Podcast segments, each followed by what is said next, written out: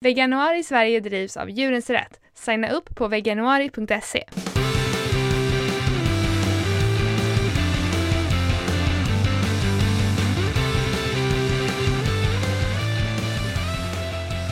Hej, du lyssnar på Kvinnodjuren med mig Lina. Och mig Josefin. Varje dag i veganuari bjuder vi på tips för dig som vill testa att leva som vegan. Idag är det dag 19 och vi ska prata om utifall ägg från egna höns är okej okay eller inte. Mm. Vad, vad tänker du där? Ja, alltså framförallt, det är ju en sån här fråga som man kommer få många gånger som vegan. Alltså framförallt från folk som vill rättfärdiga det faktum att de har egna höns och äter de äggen som de tar ifrån de hönsen. Um, och man har haft det sedan man var liten eller man hade det när man var liten och, och jag menar, det skadar inte hönan att ta eh, äggen ifrån dem och sådär. Men vi har ju pratat mycket om det här med ägg i vårat eh, avsnitt om äggfabriken. Mm. Eh, där har vi gjort en ännu djupare djupdyk i det. Men alltså, alltså vi tar ju ändå någonting ifrån djuret som inte är vårat att ta.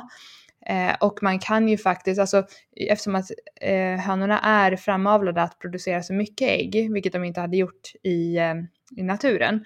Alltså de, de kommer ju från djungelhönan som lägger sen 12-15 ägg per år max.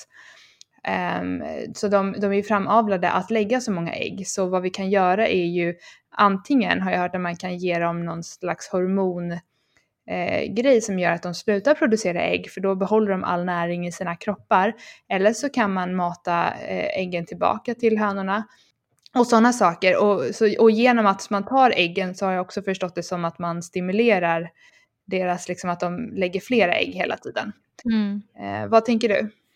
Eh, det är ju uppenbarligen inte veganskt att ta ägg från, eh, även om det är ens egna höns. Men jag har liksom två saker som jag eh, tycker är lite mindre eh, hemskt än andra när det kommer till eh, saker som är veganska. Som jag liksom nästan skulle kunna tänka mig att tumma på, fast jag gör inte det för det är fortfarande fel. Och det är ägg från egna höns och det är att ha katt.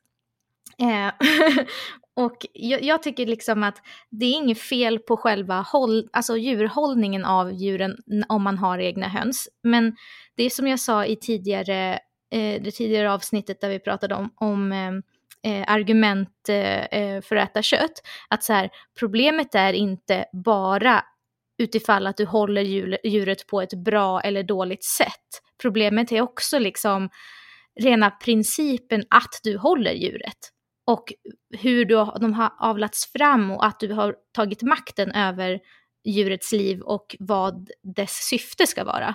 Och det är ju fortfarande kvar här då. Du, även om du liksom låter din, de här hönsen ströva fritt på din supermysiga gård och de får bara så här ekologiskt foder och de har det superduper liksom, mm. tror du. Um, för det kan vi ju inte veta. Men till synes så har de ett toppenliv alltså. Och de lägger ju bara äggen, det bara kommer, det gör ju inget. Vi kan ju bara ta dem, det är lugnt. Eh, trots allt det så har du ju fortfarande köpt de här hönorna från någonstans. De har, som du sa tidigare, de har blivit framavlade för att lägga många fler ägg än vad deras kroppar egentligen är eh, bekväma med. De, det är inte nyttigt för dem att göra det.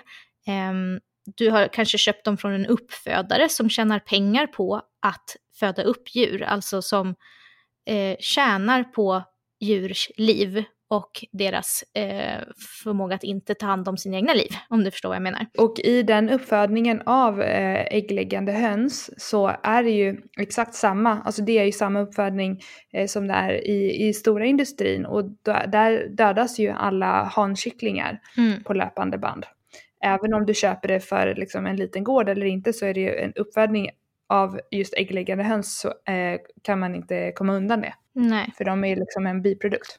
Och även om du har köpt dina höns från en annan gård som har ett supermysigt med bara några höns för de har liksom fått några extra hönor och du köper dem så är det fortfarande du som har bestämt att de här djuren ska finnas till för att du ska kunna ta deras ägg och du kommer bestämma när de ska dö. Precis. Och det, det, är väl en annan sak om man väljer att eh, ha en, en höna som man har räddat eh, från kanske industrin eller så som man har, ja men så här, bara för att, alltså som sällskap och för att ta hand om den och så. Eh, och, och, inte för att ta dess ägg, men så fort man man håller ett djur för att eh, ta, eller ja, inom situationstecken få någonting från det, då är det liksom vi som har, makt, har makten över deras liv. Och det är mm. där det inte blir veganskt liksom. Mm. Eh, och sen, sen så tänker jag också det finns eh, en aktivist i England som heter Earthling Ed, eller han kallas för Earthling Ed, Ed Winters. Han, han brukar säga det att att det börjar så småskaligt. Som att eh, säga att världen är vegansk, hela världen har blivit vegansk och eh, någon har några så här, eh, räddade hönor kvar. Och så tänker hen att ja, men jag, jag, jag, de lägger ju så många ägg och sådär men jag tar bara ett och gör en omelett på eller sådär. Och sen så eh, blir hen lite van och, och gör det flera dagar men det gör inget om jag tar en till och sen så hör det grannen om det och sen så frågar grannen om hen kan få köpa några ägg och sen så, du vet, och sen så hör en annan granne och sen så skalas det upp och så tänker den här personen att jag kanske ska ha några fler hönor som lägger lite fler ägg. Och så, alltså, så hela grundprincipen handlar om att vi har djuren för att utnyttja dem och för att ta någonting ifrån dem som inte är liksom vårat att ta. Eh, och det liksom är grundpelaren i all djurindustri. Så även om vi lever i en vegansk värld i framtiden så kan ju det liksom ja, potentiellt då skala upp det. Så därför behöver vi verkligen komma ifrån hela det mindsetet att djur är till för oss att utnyttja. Liksom. Mm. Ja men absolut. Jag tänker så här att nej absolut, det är inte alls lika illa att eh, om du är vegan i alla andra aspekter och sen har du några höns för att du tycker så mycket om höns och sen så äter du deras ägg. Det är inte alls lika illa som om du inte hade varit vegan och levt som en eh, vanlig köttätare. Men det är fortfarande inte, eh, om man ska dra till vad är det ultimata etiska, så är inte det etiskt. Nej, och sen så är det också lätt att om man, tänk, om man då äter äh, ägg från sina egna höns, äh, då tänker jag det blir lite som så här när man är lakto-vegetarian och äter ost typ. Mm. Att man tänker, ja, jag är en sån som äter ost och ägg mm. och mjölk. Och så, jag, är, ja, jag är en sån som äter ägg ibland för jag äter ägg från mina egna hönor. Då är också eh, gränsen mycket finare till att äta ägg på, i andra omständigheter. Ja, precis. Och det tycker jag också, då, då, är det, då är det tror jag enklare för en själv om man bara drar gränsen vid att man inte äter, man inte konsumerar eh, någonting från djur. Liksom. Mm. Men för mig har det varit ganska viktigt att, att inse att jag inte tycker att saker som kommer från djur är mat heller. Mm. Så om du har dina höns hemma och äter de äggen så kommer du fortfarande ha den inställningen att det här är någonting som är för mig att äta. Men för mig är ju ägg någonting som ska bli en kyckling, inte mat. Alltså det är lika mycket mat som hönsens bajs liksom. Mm. Eh, så det är väl lite det också, att man behöver ändra sin inställning. Om du fortfarande kommer tycka att det är mat så kommer du tycka att andra saker är okej också, precis som du sa. Mm, precis. Ja, ska vi ta ett äggfritt recept då, Lina? Mm. Mm. Um, det som jag brukade tycka om att äta när jag åt ägg, det var olika former av liksom stekta ägg eh, och äggröra. Så att vi har tagit ett recept på, eh, ja, men på äggröra, scrambled tofu. Och det finns ju en sak eh, som är lite magisk, ett salt som heter svartsalt från eh, väldigt svavelrik eh, mark, eller vad det nu är, ut, berg, eller vad är det? Hur ska ja. man förklara svartsalt? Eh, nej men det är väl så, det är väldigt rikt på svavel. Och svavel luktar ju, det luktar ju typ som ägg, eller? Mm. Mm. Det, är väldigt, det har en väldigt äggvitig smak. Mm. Om man saltar saker med svartsalt så kommer det smaka kokt eller stekt äggvita. Så att eh, i det här receptet på scrambled tofu så är det det här svartsaltet kan även kallas för eh, kalla namak. Mm.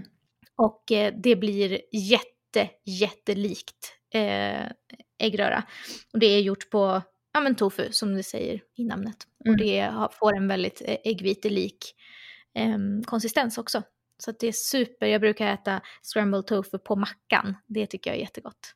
Jag har typ aldrig ätit eh, scrambled ägg. Och och eh, inte heller scrambled tofu. Men jag köpte kalanamak, alltså det här svartsaltet, häromveckan. Mm. För jag tänkte jag skulle testa det här. och för barnen så tänkte jag visa dem så här, så här smakar ägg. Jag, vet, jag tänkte mm. om man aldrig har ätit ägg och sen så får man, jag, tror, jag, jag tror inte att man tycker att det är jättegott. um, nej, det är lite fisig smak. Ja, liksom. lite. Det luktar ju, ja, det, alltså, ja. Nej men så det blir intressant att testa det. Jag ska testa det här receptet själv nämligen. Mm. Um, så det blir kul. Um, mm, så, och jag tror att man hittar svartsalt, eh, kalanamak, i välsorterade butiker. Det finns i alla fall i de här vegobutikerna eh, som man kan hitta webbshoppar, typ Goodstore och Happy Vegan. Um, ja, många liksom eh, kryddbutiker också. Det mm, finns ju många webbshoppar som har mycket kryddor, där brukar det finnas. Ja. Mm. Men eh, imorgon ska vi prata om det här eh, klassiska dilemmat, vad man gör om man är vegan som är strandad på en öde ö. Mm. Mm. Vi hörs då. Hej då! Hej då!